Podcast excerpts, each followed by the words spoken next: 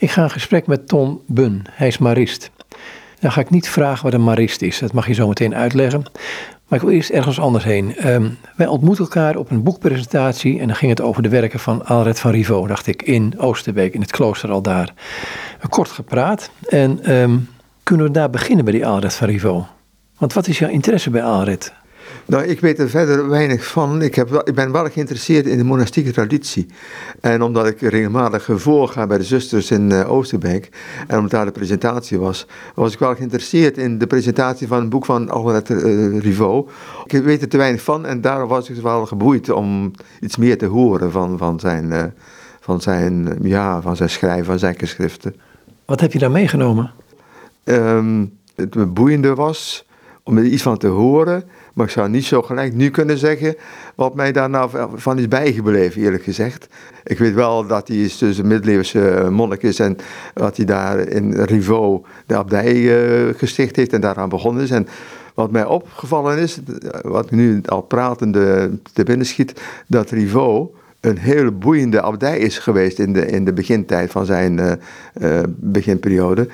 En nee, hoe is het mogelijk van een abdij met 600 monniken, hoor ik op een gegeven moment vertellen.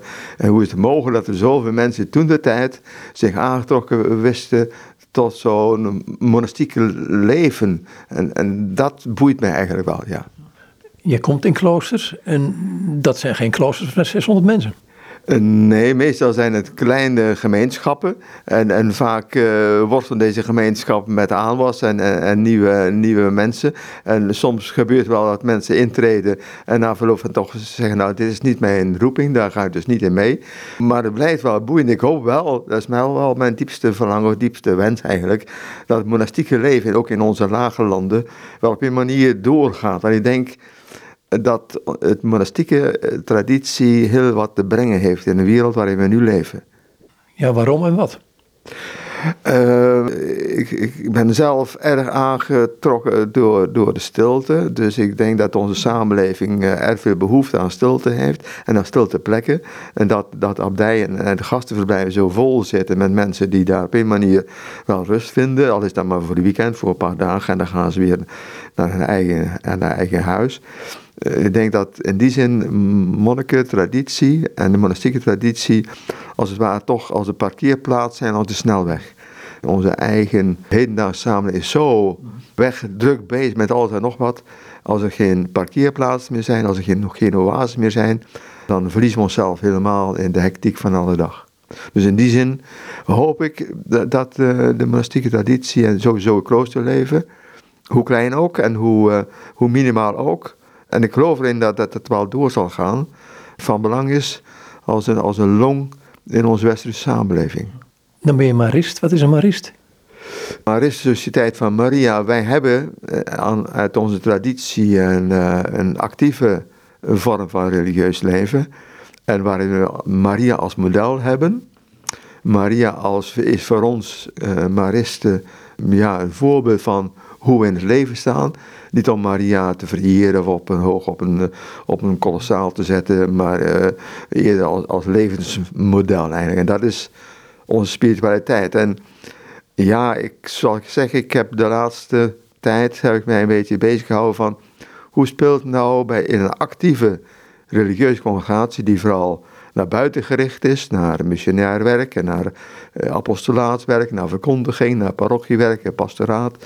Uh, hoe speelt daarin nou contemplatie een rol uh, in een actieve congregatie? En ja, ik denk dat de actieve religieuzen misschien meer, meer aandacht mogen besteden. Dat doen ze natuurlijk wel omdat ze ouder geworden zijn. Aan bezinning, aan verstilling, aan meditatie, aan vorm van, van gebedsleven en een gebedscultuur te cultiveren.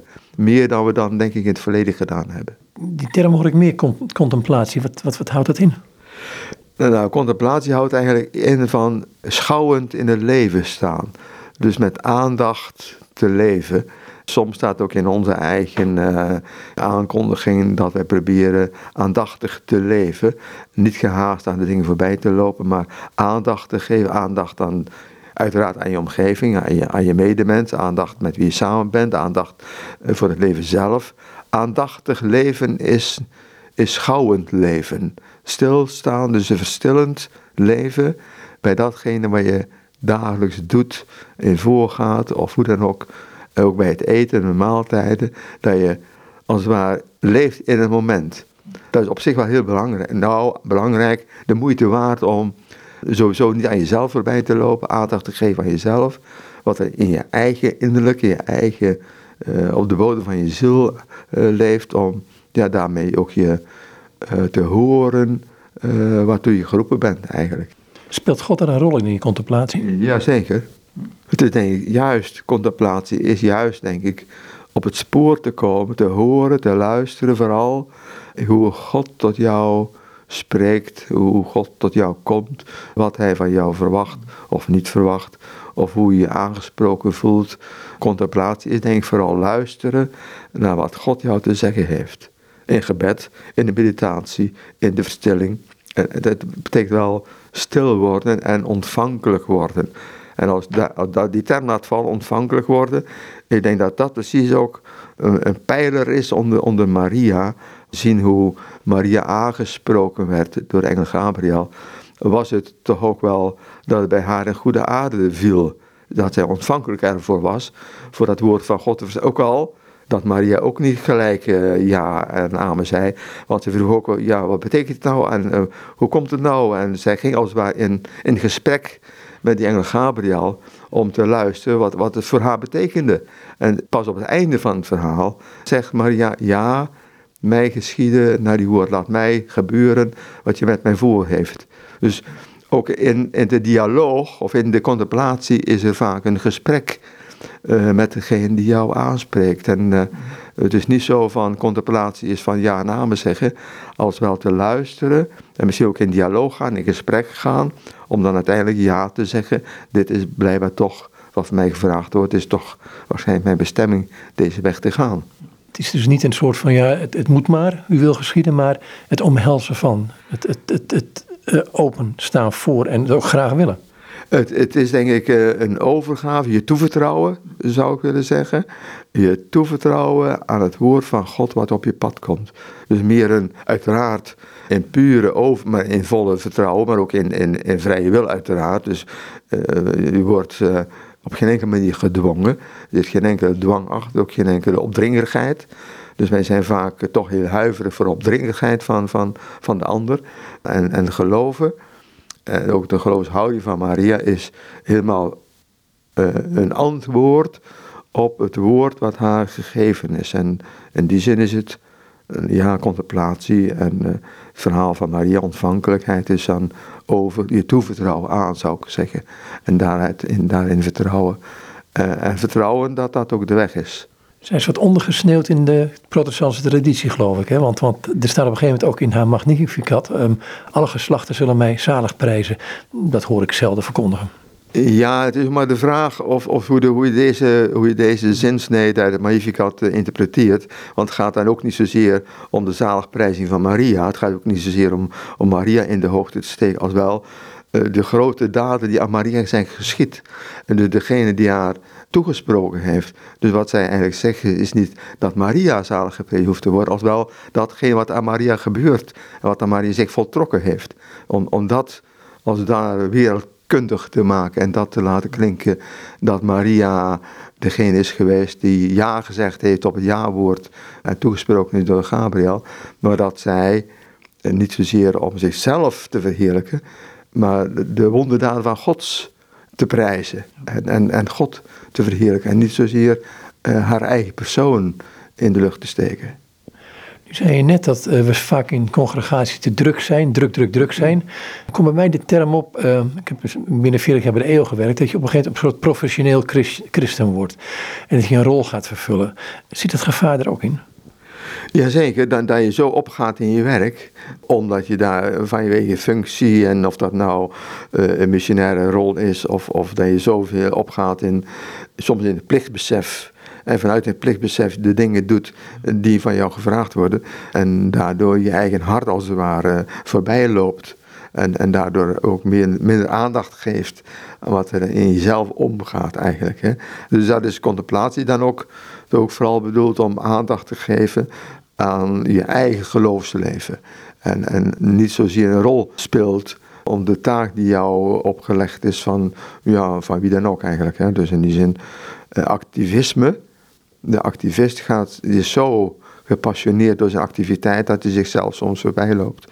En dat is het. Dat kan ook in religieuze uh, congregatiegeval zijn. En, uh, dat je zo opgaat en uh, in je werk dat je niet meer aandacht geeft aan, aan je eigen gebedsleven en aan je eigen meditatie. Ken je zulke periodes in je leven? Jazeker. Ik, ik, ik, ben nu wat minder actief in, in het pastoraat. Ik heb nu meer de tijd om, om aandacht te geven aan mijn eigen religieuze leven. En minder vanwege, uh, vanwege opdracht of vanwege uh, werkzaamheden. Maar zeker toen ik gewoon heel actief was in het parochiepastoraat, dan ben je toch zo naar buiten gericht en zo ga je op in het werk, in het werkzame leven.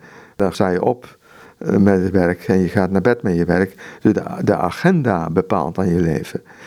En dat, is, ehm, dat heb ik ook wel meegemaakt, zeker in de beginperiode. Uh, toen ik na mijn afstuderen dacht, nou ik heb nou voldoende in mijn rugzak zitten. Nu kan ik aan de slag. En nu ga ik aan het werk en dan, dan laat je bepalen door je agenda. En dat, dat vind ik wel fijn. Dus dan, dan, dan heb je ook het idee, ik, ik heb ook iets te zeggen, ik, ik ben ook van betekenis voor mensen. En dan, dan voel je dat ook wel ja, dat je een rol vervult of een taak vervult die van je verwacht wordt, maar daardoor minder, minder toekomt aan de, ja, de basis vanuit je, waaruit je eigenlijk leeft. Ja, hoe kom je nou weer terug bij die basis? Want die basis kun je ook aan het oog verliezen en, en de dingen wel zeggen die kloppen, maar uiteindelijk... Ja, dat betekent toch bij tijd hebben afstand nemen eh, van, van je werk. Afstand nemen van je agenda. Even je agenda dicht doen. Kijk, we hebben toch ook niet voor niks die, die zondagsrust.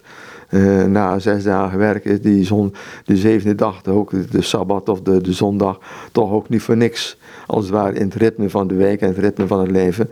Dat, dat is bijna toch een noodzakelijk voor een gezond leven, ook voor een gezond geestelijk leven, is die rustdag.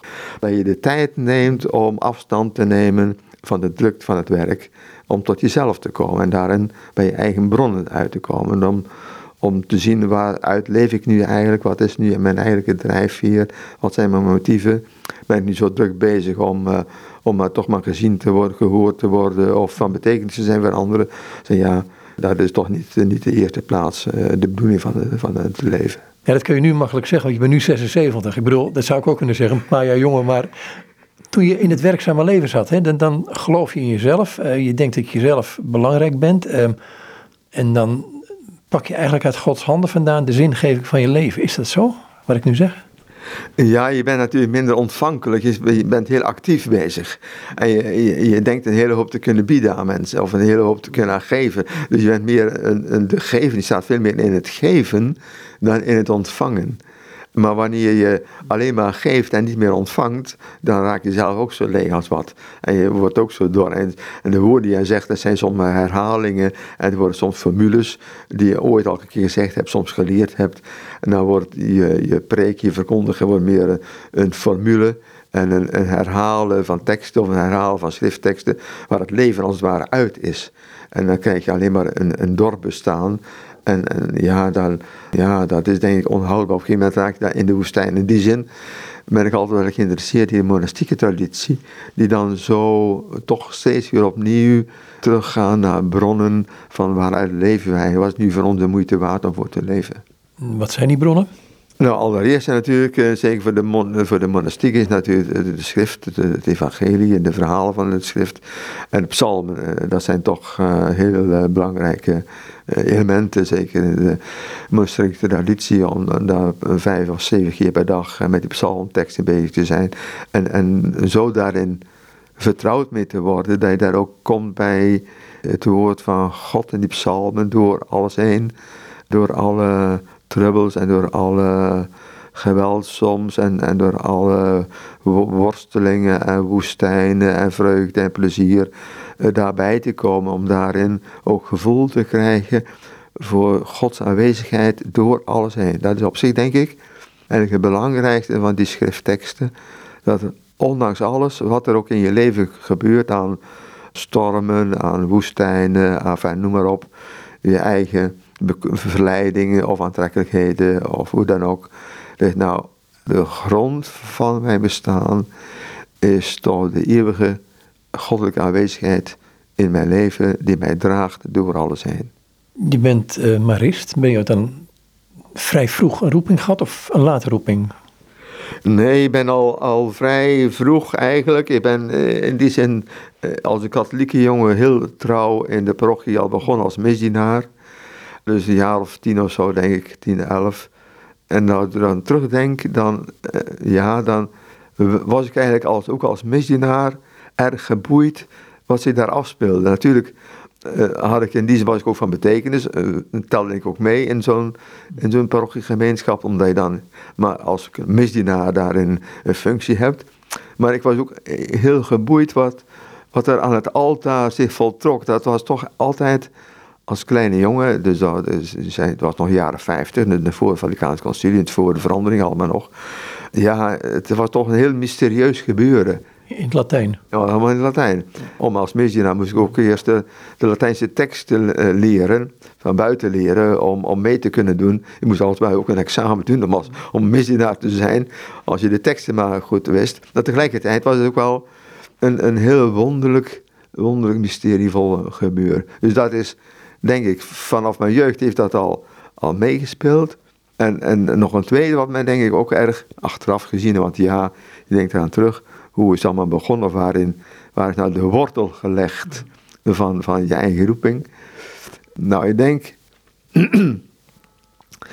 mij, wat is een, uh, sorry, ik word er bijna wat emotioneel eronder. Wij waren zo van boerderij en uh, op een gegeven moment was het Palmzondag. En dan was het gewoonte om natuurlijk iedereen naar de kerk ging op Palmzondag en een palmtakje mee naar huis nam. En toen heeft mijn vader me meegenomen naar het land om dat palmtakje zo op de hoek van het land te zetten.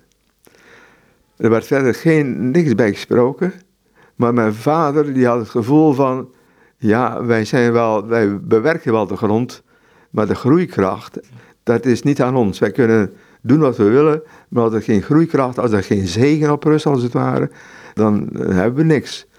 Dus op een manier, dat heeft mij wel aan, op een manier gevoeld dat mijn vader zoiets deed. En, en daarin zijn hij geloof op een bijna heel verstild moment dat aan mij heeft overgedragen.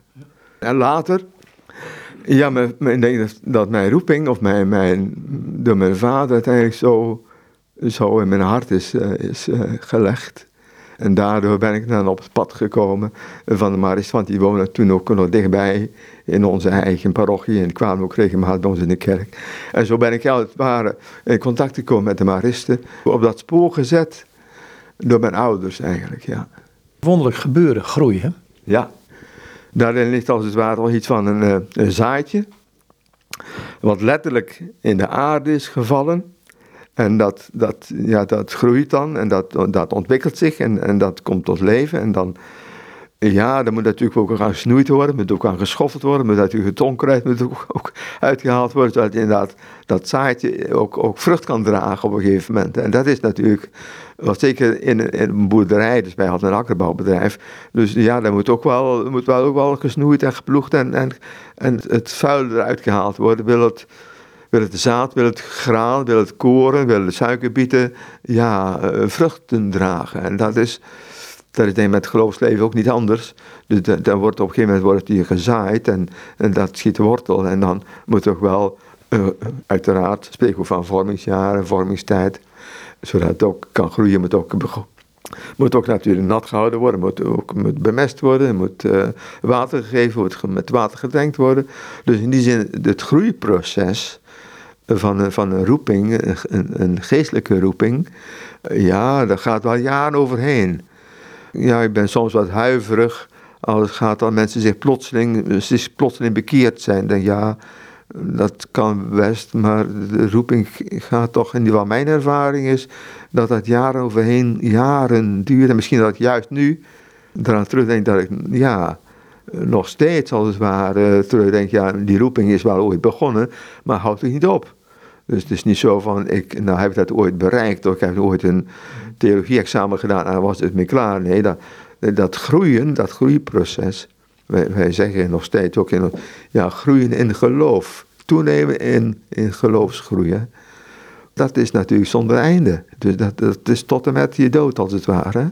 Dus dat, dat, eh, hoe, hoe groei je nou in je geloof? Hoe, hoe gaat dat nu eigenlijk? Hè? Dus dat, ja, dat, dat vind ik wel een boeiende vraag die ik ook wel aan mezelf stel. Nou, die wil ik ook wel stellen. Hoe gaat dat? Want daar raak je de essentie aan, denk ik. Uh, ja, dus, en, en dat, dat doe je wel door daar aandacht aan te besteden. Dus zoals je een plant zorgvuldig met aandacht omgeeft, zo is het ook je eigen geloofsleven. Moet je daar wel aandacht aan besteden.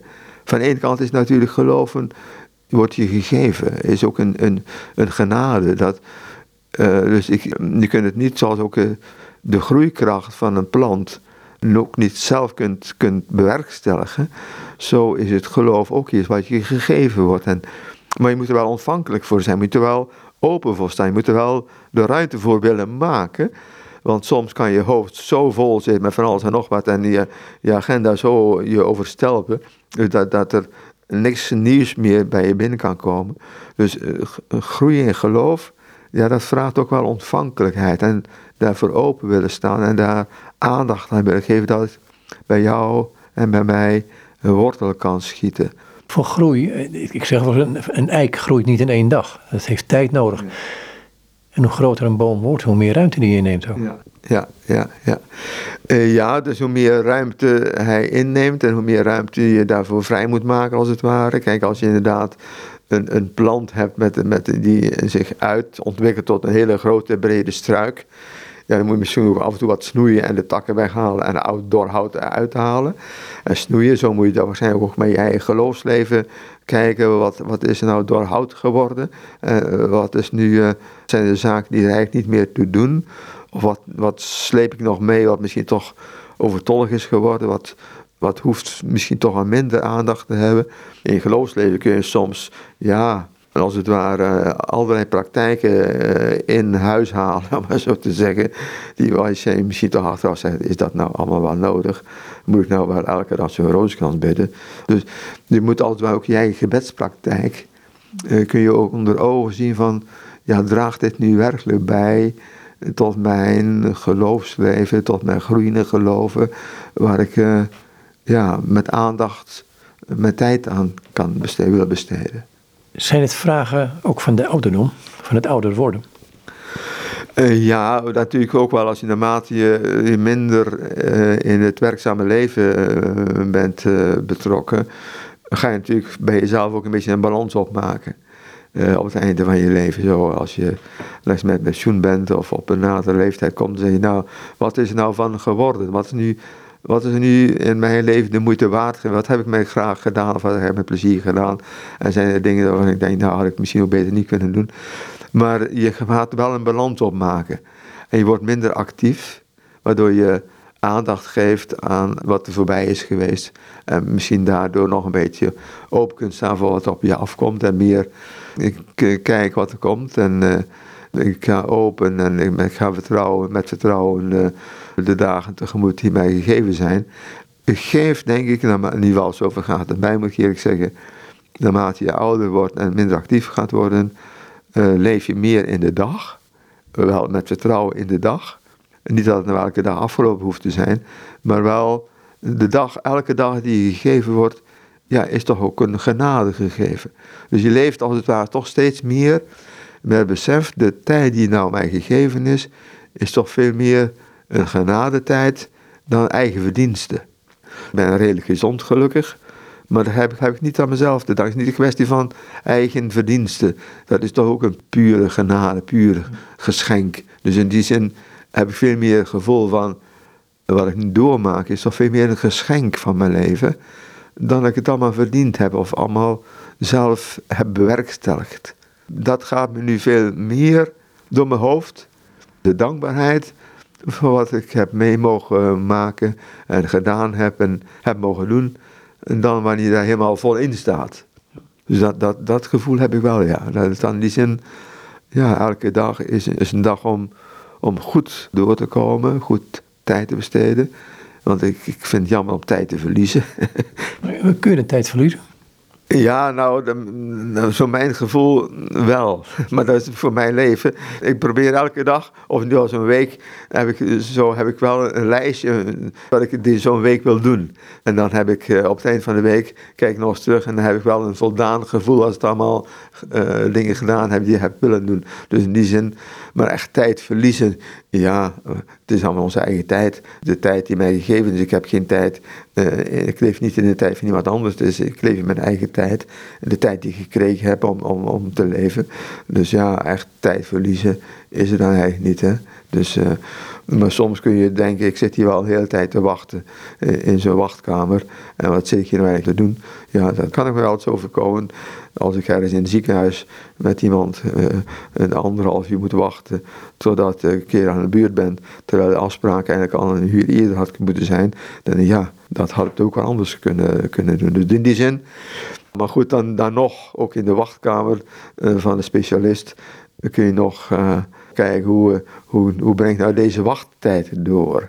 Neem ik iets mee om te lezen of niet? Of, in die zin, nee, de tijd waar je, waar je ook bent, of nu ongeduldig bent in het wachten, of uh, zegt oké, okay, dat is het dan, of ongeduldig bent in de, in de file. Kan natuurlijk ook gebeuren als je in de file staat en zegt nou, ik sta hier nu anderhalf uur in de file. En ja, het is niet anders. Het is niet anders. Ja, ik, ik, kan het ook niet verhaasten. Dus blijkbaar is het is nu de tijd om toch maar met geduld hier in de auto te blijven zitten en maar te zien dat het weer doorgaat. Dus maar ik ben er wel meer geduldig in geworden, moet ik eerlijk zeggen. Want als je een afspraak hebt van je moet ergens zijn en je blijkt dat door de file toch uh, laat op je afspraak komt, dat vind ik nou wel vervelend. Dat is geen kwestie van tijd verliezen. Nou ja, dus hoe je je tijd beleeft is ook soms wel afhankelijk hoe je daarin staat en hoe uh, druk je uh, meestal natuurlijk leg je de druk op jezelf. Hè? Dus als ik een afspraak heb met iemand ik had een keer later, ik had, nou, zou ook zijn op een vergadering in Utrecht. Maar ja, de trein valt uit en ik sta op, op perron in Utrecht en zijn geen bussen meer. En hoe kom ik op de plaats waar ik zijn moet? Ja, dat vind ik wel vervelend en lastig. Maar geen tijd verliezen als wel meer mijn eigen ongeduld, mijn eigen uh, onbehagen, mijn eigen opwinding en mijn eigen irritatie. Dat de dingen niet gaan zoals ik wil dat ze eigenlijk zouden moeten gaan. Zou je nu terug kunnen gaan naar het fiat van um, Maria? mijn geschieden naar u wil, dat je het besef hebt ergens dat um, ook daar op zijn perron jouw leven in Gods handen is. Ik moet een andere tekst denken hoor. Ik, ik gooi het maar voor je voet. Je moet maar kijken wat je ermee doet. Uh, in Colossense 3 staat, meen ik, um, wanneer Christus verschijnt, die uw leven is, dus niet zal worden, maar al is.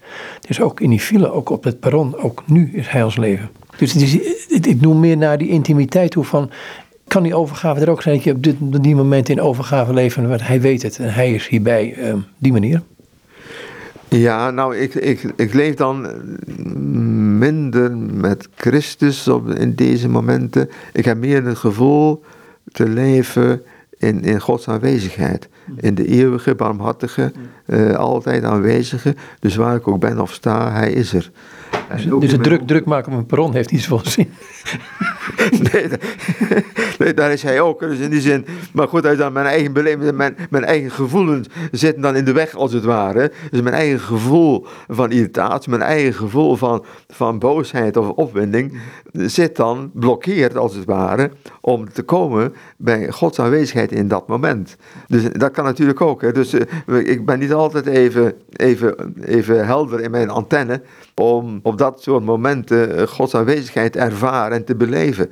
Kijk, dat kan ik wel doen als ik een wandel en een wandeling maak uh, van een dag of zo. Dan heb ik wel het gevoel van, ik, ik wandel hier in Gods natuur en Gods schepping. En Hij is en Hij laat mij hier wandelen. En Hij doet mij bewegen, Hij doet mij ademhalen. Hij, doet mij, hij is mijn levensadem in mijn neus. Hij, hij beweegt mij waar ik ook ga of sta. Hij is voortdurend in mij aanwezig, want het feit dat ik er ben, is al zijn aanwezigheid. Hè? Maar die ervaring en dat besef en dat bewustzijn, ja, dat kan wel, zoals ik zeg, de, mijn gevoelens van, van irritatie en boosheid, wordt dat Gods aanwezigheid een beetje naar de achtergrond gedrukt. Terwijl hij nou wel is. Ik, ik, ik kan hem, uh, zijn aanwezigheid kan ik niet verhinderen. Maar mijn gevoel kunnen daar wel een, een, een blokkade in zijn, een belemmering zijn. Dat kan, en dat kan inderdaad zo, dat kan in de file zijn, dat kan op perron zijn, maar dat kan ook waar dan ook zijn. Maar Ja, mijn diepste bron van leven is waar ik ook ben of sta, waar ik ook lig of ben. Hij is in mij aanwezig. Hij doet mij zijn levensadem. Dat vind ik een, hele, voor mezelf heel dierbare gedachte. Uh, hij is mijn levensadem in mij. Hij doet mij leven, hij doet mij in- en uitademen. En zo begin ik ook bijna elke dag. Ja, dit bewust worden en dat uh, ik weer opsta, opgestaan ben en dat waar het licht weer, weer tevoorschijn komt als een nieuwe dageraad. En, en dat, mij, dat hij mij zo tot leven doet brengen en zo tot leven en elke dag weer opnieuw. Ja. Zei het, uh, als, als ik per sta of in de file sta, maar uh, als ik daar eens een klooster aan toevoeg, is die irritatie, kan die irritatie dan ook zijn? Oh ja, ja, ja, ja misschien nog meer dan, dan, dan perron, om zo te zeggen. Want... Ja, wat voor manier dan?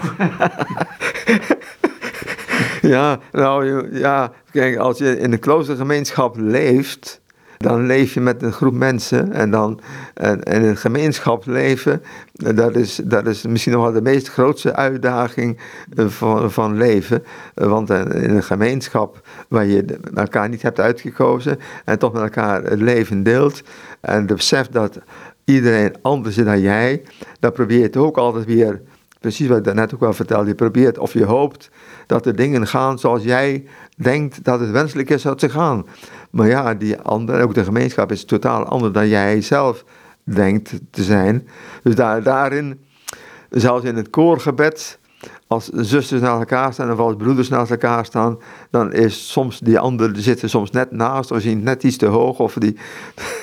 Dus dat, dat irritatie in, in een klooster, een gemeenschap, is zeker net zo hoog of net zo groot aanwezig dan. Maar ja, dat is bij overal waar mensen samen zijn, of dat nou eh, in een huwelijksrelatie of in welke relatie ook, dan zijn er altijd wel hier en daar wat, wat fricties of wrijven. Maar tegelijkertijd moet je natuurlijk ook zeggen, dat ook in een kloostergemeenschap zo, het gaat niet enkel om die boosheid, die irritatie, maar ook de vreugde van het samen zijn en het, en het samen zingen en het samen bidden en samen de maaltijd houden met elkaar, eh, is natuurlijk net zo samenbindend.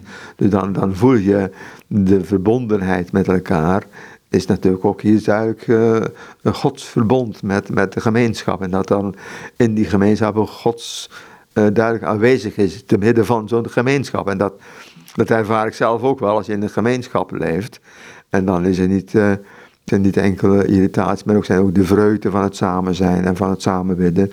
Waarin dan ja, een godsverbond als het ware, het lichaam van Christus ook, ook gestalte krijgt. Hè? Met alle alle tekenen, alle littekenen, alle wonderen van die. Want ook in die zin, een kloostergemeenschap is dan ook, ook zoals ook een kerk trouwens, iets dan uh, een, een, een menswording van God in zo'n gemeenschap. En wordt zo'n gemeenschap ook lichaam van Christus. Maar ja, dat lichaam van Christus heeft, is behoorlijk gewond geraakt. Als Christus zich laat zien aan Thomas. Uh, en dan zeg je, ja, kijk maar, leg je handen in, in mijn zijde en voel de wonden van mijn lichaam. En dan, dan is er ook iets van, ja, die wonden zijn ook onderdeel van een verheerlijk leven, van een vrijheidsleven. En die zijn, die zijn niet weg. Dus zo is een gemeenschapsleven eh, in een kloostergemeenschap, maar ook in het kerkelijk leven, kun je niet voorbij de wonden zien, voorbij de littekens die. En die moet je ook als voelen. Dus je moet als het ware je handen leggen, je vingers steken in, in de plek waar de nagels gezeten hebben. Ook als, als, als kerkgemeenschap of als gemeenschap blijf je die littekens voelen en de pijn die dat soms met zich meebrengt in de gemeenschap, gekwetstheden van de gemeenschap, dat, dat, dat, draag je met je mee. Ja. Heb jij die tijd in je leven en het werk wat je deed, eh, je hebt zo'n psychiatrisch patiënten gewerkt, meen ik. Heb je niet gevoeld en kun je daar gewoon, eh, zonder in de privacy te treden, gewoon eens wat gezicht hebben gegeven hoe, hoe je daarmee omging? Mijn werkzaamheden in psychiatrisch ziekenhuis, ik heb dat ruim twaalf jaar mogen doen. Was niet geen fulltime functie, maar ieder geval toch twaalf jaar gedaan. Ja, wat je dan doet is toch alleen maar met veel aandacht erbij te zijn bij, bij, bij deze gekwetste mensen. Of dat nou mensen zijn met suïcidepogingen. Uh, ik kan me heel goed herinneren, een van wat ik, wat ik erg geraakt heeft, was inderdaad een jonge vrouw die suïcide gepoogd, uh, gepleegd had. Gepoogd had te doen, moet ik zeggen. En, daardoor uh, onder de trein had gelegen en de beide benen daardoor kwijt is geraakt. En, en toch daardoor opgenomen is in het ziekenhuis. En dan denk ik, jonge jongen, denk toch, hoe is het mogelijk dat zo'n tamelijk jonge vrouw tot zo'n daad komt? En, en waar ik dan ook niks aan kan doen. Alleen maar ja, erbij zijn en, en als het de pijn voelen eh, van het gemis van die twee benen. En daar ook, ook bijna geen perspectief meer zien hoe, hoe gaat dan zijn leven verder? Hoe, dan, hoe is er nog iets van toekomst voor deze vrouw zonder ja, de rolstoel? Maar ja, goed, als iemand dan toch door ontzettend veel angst en ontzettend veel uh, depressiviteit tot een daad komt, dan, dan raakt me dat wel, moet ik zeggen. Dan raakt me dat wel. En dan voel ik ook wel, ja, ik kan hier alleen maar erbij zijn. En alleen maar aandacht geven, alleen maar als het ware meevoelen, voor het dan ja, ik ben uiteraard gezond en, en, en met, met, beide benen op de grond. En, en maar ja, dat, dat, soort, dat soort gekwetstheden van mensen. In die zin hebben mensen uit psychiatrie mij wel dichterbij gebracht bij de gekwetstheid en de, en de breekbaarheid van, van mensen. Ja. Kan heel erg donker zijn. Ja, ja, ja, ja, ja, ja, ja. ja. En uh, ja, dat, dat, dat, maakt je heel machteloos, moet ik eerlijk zeggen hoor. Want dan, dan ook al weet je dat mensen helpen, ook al zou je zeggen als geestelijke verzorger, ah, dat is totaal anders dan, dan een psychiater of een psycholoog of, of een therapeut. Maar als geestelijke verzorger, dus als, als degene die dan als het ware ja, een kerkgemeenschap, een geloofsgemeenschap vertegenwoordigt in zo'n ziekenhuis, dan sta je echt met lege handen. De machteloosheid van alleen maar je aanwezigheid is het dan. En soms is dat ook wel meer dan genoeg. En dat laat zo'n ander ook wel weten. Dat is ook voldoende, meer heb je ook niet. Alleen je persoonlijke, pure, je aandacht, de liefdevolle aandacht die je geeft. En, en dan, dan, meer kan ik ook niet geven. En, en waarschijnlijk is dan, daarna terugdenken, wel iets van eh, de liefdevolle barmhartigheid van God, die daar op dat moment in mijn schamelheid present stel. En ja, zo, zo dan denk ik ook Gods liefde aanwezig in, in zo'n eh, ziekenhuis. Het blijft heel kwetsbaar allemaal, hè? Ja, ja, ja, ja, ja. Het is heel, heel, heel kwetsbaar. En, en, en een kwetsbaarheid waarvan ik ook zeker in een psychiatrisch ziekenhuis vaak het gevoel heb gehad. Ik zit nou hier wel aan de gezonde kant, maar ik had ook aan de andere kant kunnen zitten. En ik had net zo goed uh, psychiatrisch patiënt kunnen zijn dan degene die niet tegenover me zit. En dan is het toch maar, ja, in welke omstandigheden je bent gekomen, welke achtergrond je eh, hebt meegekregen, waar je bent opgegroeid, gezin van herkomst, en hoe je als het ware op deze wereld bent begonnen. Je hebt geluk gehad of inderdaad pech gehad. Maar dat is, en ja, degenen die daar in het ziekenhuis zijn, die hebben het zelf ook niet, niet gewild. Die hebben het ook niet gezocht. Maar zijn door omstandigheden, door hun ziekte, ook door, of door omstandigheden daar terecht gekomen zijn. Ja. Je zei het eerder over, um, je, je vader had een, een takje neergezet van groei kunnen wij niet doen.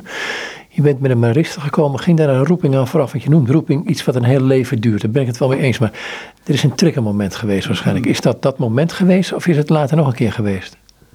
Ja, nou, van die triggermomenten. Kijk, de, de, ik denk dat wat ik daarnet noemde, het, het misdienaar zijn. En dat ik met mijn vader mee naar de hoek van het land ben gegaan. Dat zijn als het ware twee twee pijlers, om zo maar te zeggen, twee, waar ik het mysterie, iets van, van achteraf gezien, terugkijken, is, is daar begonnen, denk ik. Iets van in mijn leven is dat, dat zaadje geplant. Hè. Ja, kijk, je hebt natuurlijk wel heel specifieke ervaring, als, nou, als je daar nou zo naar vraagt, dan denk je, ja, kijk, het feit, ik inderdaad, die priesterwijding, de wijding zelf, heeft natuurlijk ook wel een heel bijzondere uh, karakter. Dus uh, een van de onderdelen van zo'n priesterwijding dat je, dat je plat op de, op de grond ligt. Hè? Voordat de wijding echt begint. Er wordt de hele kerkgemeenschap wordt aangeroepen en heel alle heiligen worden tevoorschijn geroepen om over de, de wijdeling die daar op de grond ligt. Hè? Nou, dat, dat is ook wel iets van een moment geweest van, omdat je inderdaad plat op de grond ligt, met je gezicht naar onder hè, een gevoel van totale overgave. Want je kunt in en je wordt over jou gebeden. Heel de, kerkgemeenschap, heel de, uh, met alle heiligen die je mij bedenken kunt, die worden als het ware aangeroepen over jou en over de wijdeling. En dat is, is toch wel een heel bijzonder, moet ik zeggen, een bekrachtiging van de weg die je bent ingeslagen. Maar goed, het is een bekrachtiging. Die overgave, is het dat moment geweest of zijn er momenten al vooraf gegaan dat je tot die overgave kwam? Want het lijkt me toch een innerlijk besluit van je. Het is een innerlijk besluit. Ja, maar dat, dat groeit. Dat, dat kan ik niet, niet zeggen dat natuurlijk alle momenten in zo'n vormingsperiode, die zijn natuurlijk besluiten, eh, vrijwillige besluiten, waar je op een gegeven moment ja op zegt. En telkens wanneer je in een kloostergemeenschap intreedt, begint allereerst dan zeg je ja, ja, ja, ik wil, ik ga er naartoe, ik ga mee, ik doe mee. Dus natuurlijk het feit dat mijn ouders mij geplaatst hebben op de weg eh, van die Maristen. En toen was ik dus twaalf jaar, op, op, het moment van de keuze, ga je naar het seminarie naar een klein seminarie of ga je naar een middelbare school. Dus op 12-jarige leeftijd. Ja, toen was mijn, mijn vader en moeder, mijn ouders hebben mij op dat pad gezet. Ik heb er ja op gezegd. Terwijl het niet zo vanzelfsprekend was, want ik ben de jongste in het gezin van vier.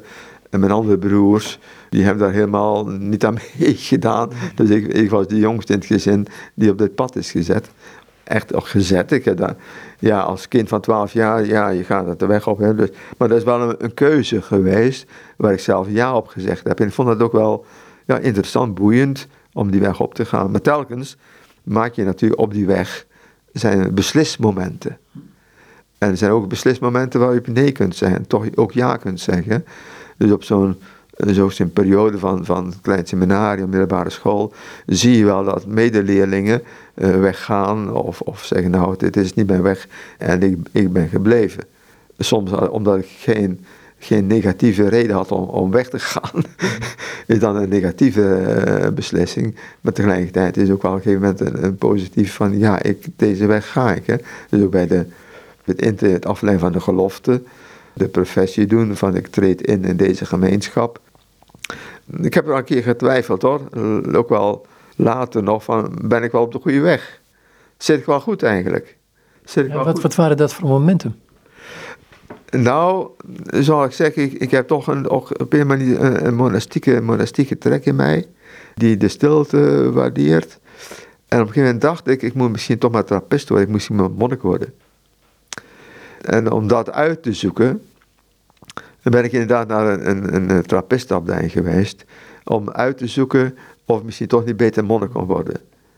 En toen was ik al gewijd, toen was al eh, na een periode van werkzaam leven als marist, maar ik dacht, nou ja, misschien moet ik toch eh, uitstappen en anders worden. Dus toen ben ik naar de, naar de trappist gegaan in, in Limburg.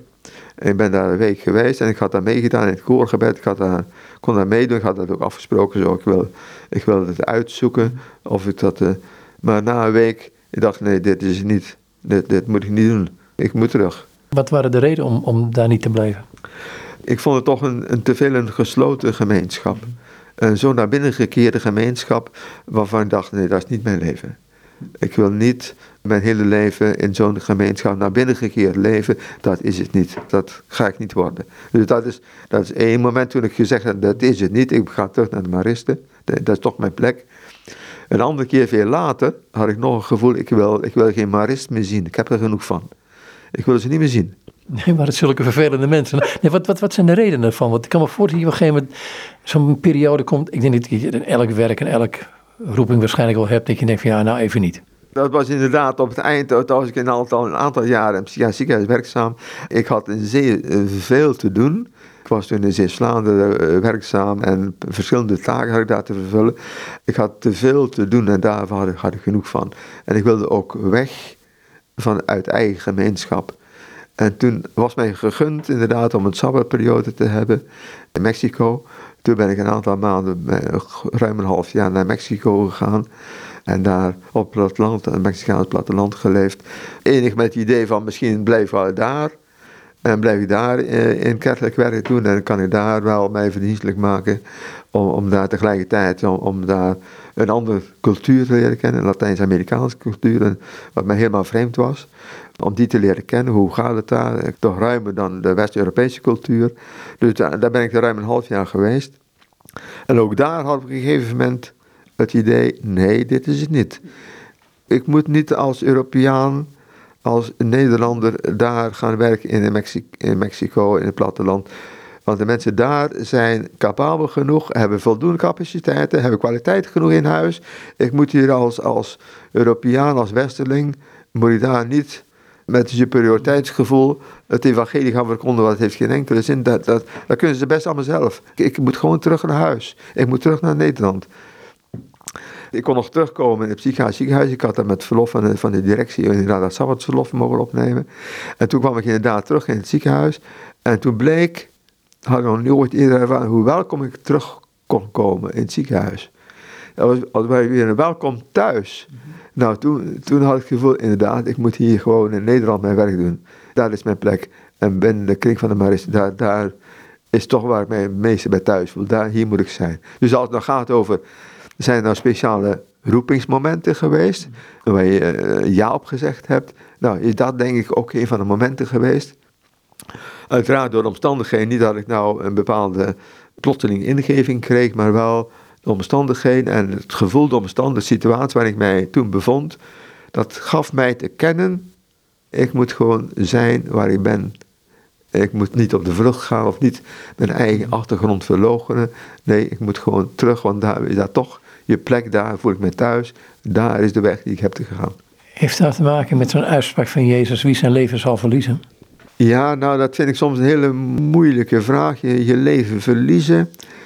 Ja, nou, ik, ik, ik uiteraard heb ik er ook al verschillende keren over, over gepreekt, over deze tekst. Want het is een hele bekende evangelietekst. En ik vind het soms een hele lastige tekst om daar zelf bij te komen. Om aan te geven, wat betekent nou zo'n tekst voor mijzelf? Ja, dat heeft iets te maken met jezelf geven. Zo versta ik de tekst vooral, mijzelf geven waartoe ik geroepen ben.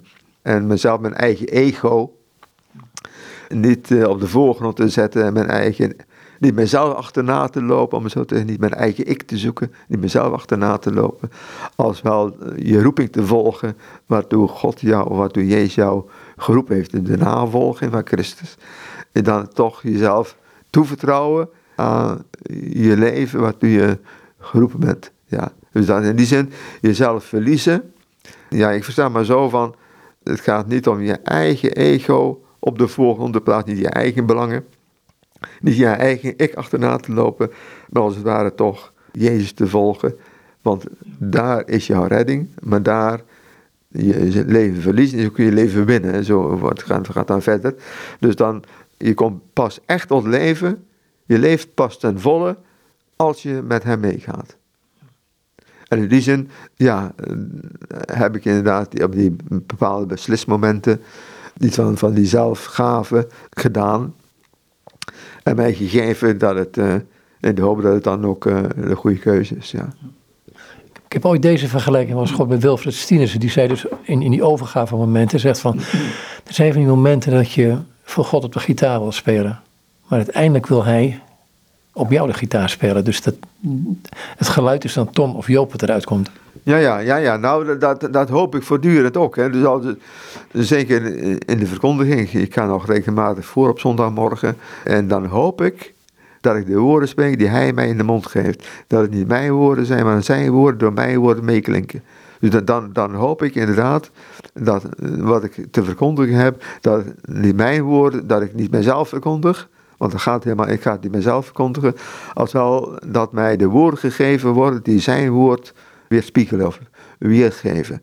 En daardoor hoop ik en bid ik, ook elke keer weer opnieuw, dat Gods woord mij gegeven worden, die mij al voorgegeven zijn voordat ik zelf maar een woord uitbreng. Verbaast God je? Dat is een lastige, lastige vraag om zo eens antwoord op te geven. Of die mij verbaast.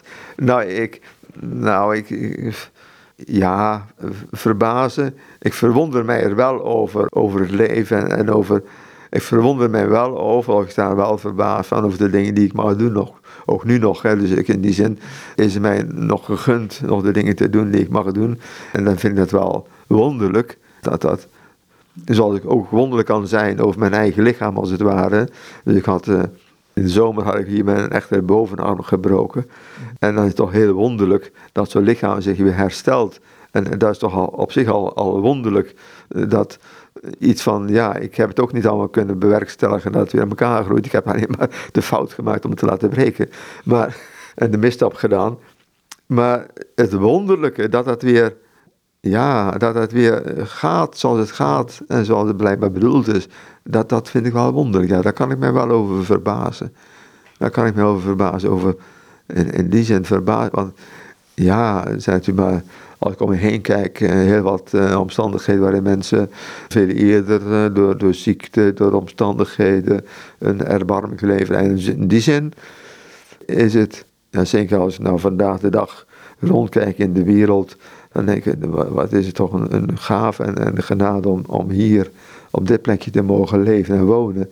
Terwijl natuurlijk maar zat de miljoenen mensen van de narigheid niet weten hoe ze, hoe ze de dag moeten doorbrengen. Dat, soms, dat vind ik soms afschuwelijk om te zien. En dan denk ik, ja, het is wel wonderlijk of een gave. En een geschenk, misschien nog meer een geschenk en een genade, om te leven zoals ik nu dit leven hier mag leven. Je had het eerder over die Um, had het over Maria, de verwondering. Uh, maar ook het schouwen heb je op een gegeven moment genoemd. Bij schouwen denk ik aan zien. Maar denk ik ook aan wederkerigheid. Want het is iemand die jou ziet en jij die iemand ziet. Ja, dat klopt. Het is sowieso. Hè. Dus uh, geloven is, is een hele relationele aangelegenheid.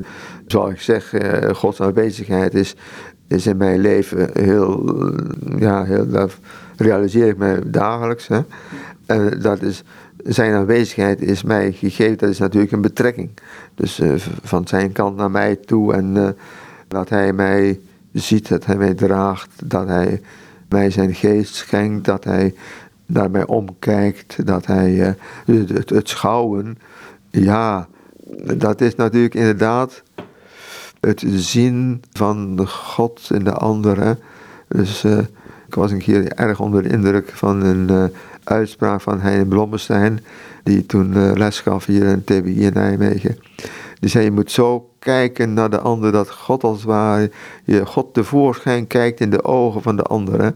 Dus God tevoorschijn kijken, zo zien, zo kijken, zo open en zo ontvankelijk kijken naar de ander en naar de werkelijkheid om je heen, dat je daarin God tevoorschijn kijkt. Dat vind ik als ware wel, wel bijna een definitie van, van contemplatie en contemplatief in het leven staan. Niet van één moment of van een paar seconden, maar zo in het leven staan, contemplatief in het leven staan, dat je God ziet in de werkelijkheid waar je je in bevindt. Dan zie je de werkelijkheid op een andere manier, vanuit zijn perspectief. Ik zou het ook om kunnen draaien. Um, je, bent nu, je bent nu 76. Is Ton, um, als je die vergelijkt met het begin van je roeping, het begin van je leven, is het God geweest die Ton steeds meer tevoorschijn heeft gekeken? Ja, dat denk ik wel. Dat denk ik wel. Dus uh, door de bezigheden die ik mogen doen, door de werkzame leven tot nu toe, ben ik dan meer, in zekere zin meer mijzelf geworden. Of, door de omstandigheden, door, door de werkzaamheden, maar ook door, door de mensen die ik heb mogen ontmoeten. Nog veel meer door de mensen die, op mijn levenspad zijn geweest de afgelopen periode, door, enfin, tot, laat, tot nu toe. Die zien in mij, of die hebben, zien mij en die kijken mij. En, en daardoor ervaar ik wel dat ik, dat ik gezien ben. En dat ik in die zin ook gewaardeerd ben, van betekenis mag zijn en gezien ben. En dat ervaar ik inderdaad als een, als een, een gave gods, als een, als gezien worden door de mensen, mensen die mij zien. En door, door de omstandigheden, ja, dat daar ook iets van Gods aanwezigheid in doorschijnt. Ja. Klinkt dat wat je net zei veel verwonderlijker als je dit gezegd hebt. Hè? Van ik kwam terug in Zeeuws-Vlaanderen in het psychiatrisch ziekenhuis en mensen zagen mij graag. Dat is toch een, een, wonder op zich dat mensen überhaupt wel een ander zien, laat ik het zo zeggen. Ja, ja. Daar heb ik inderdaad ervaren, wat ik nog niet, niet eerder had ervaren, dat mensen mij zagen. En mij graag zagen terugkomen. Dus het gezien worden dat je, er bent, hè? dus met jou blij zijn eigenlijk. Hè? Dat, dat op zich dat is heel wonderlijk. Hè? Dat, dat, ja, dat heb toen sterk ervaren, dat mensen met jou blij zijn dat je er bent. Dat is misschien nog het meest contemplatieve wat je maar ontmoeten kunt en ondergaan kunt. Hè? Dat de ander, dat de ander met jou blij is. Kan, kan de ander zijn met de hoofdletter of de ander met een kleine letter, hoe, hoe het ook, het ook invult. Hè.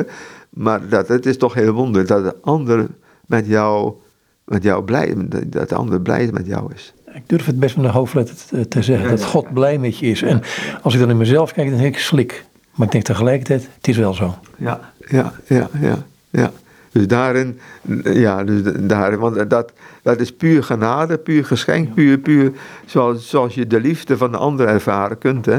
Dus en, en ondervindt. Dat, dat, is, dat wordt je puur gegeven. Uh, dus geen enkele, geen enkele zelf, geen enkele verdienst van jezelf. Dat, dat wordt je puur als genade geschonken.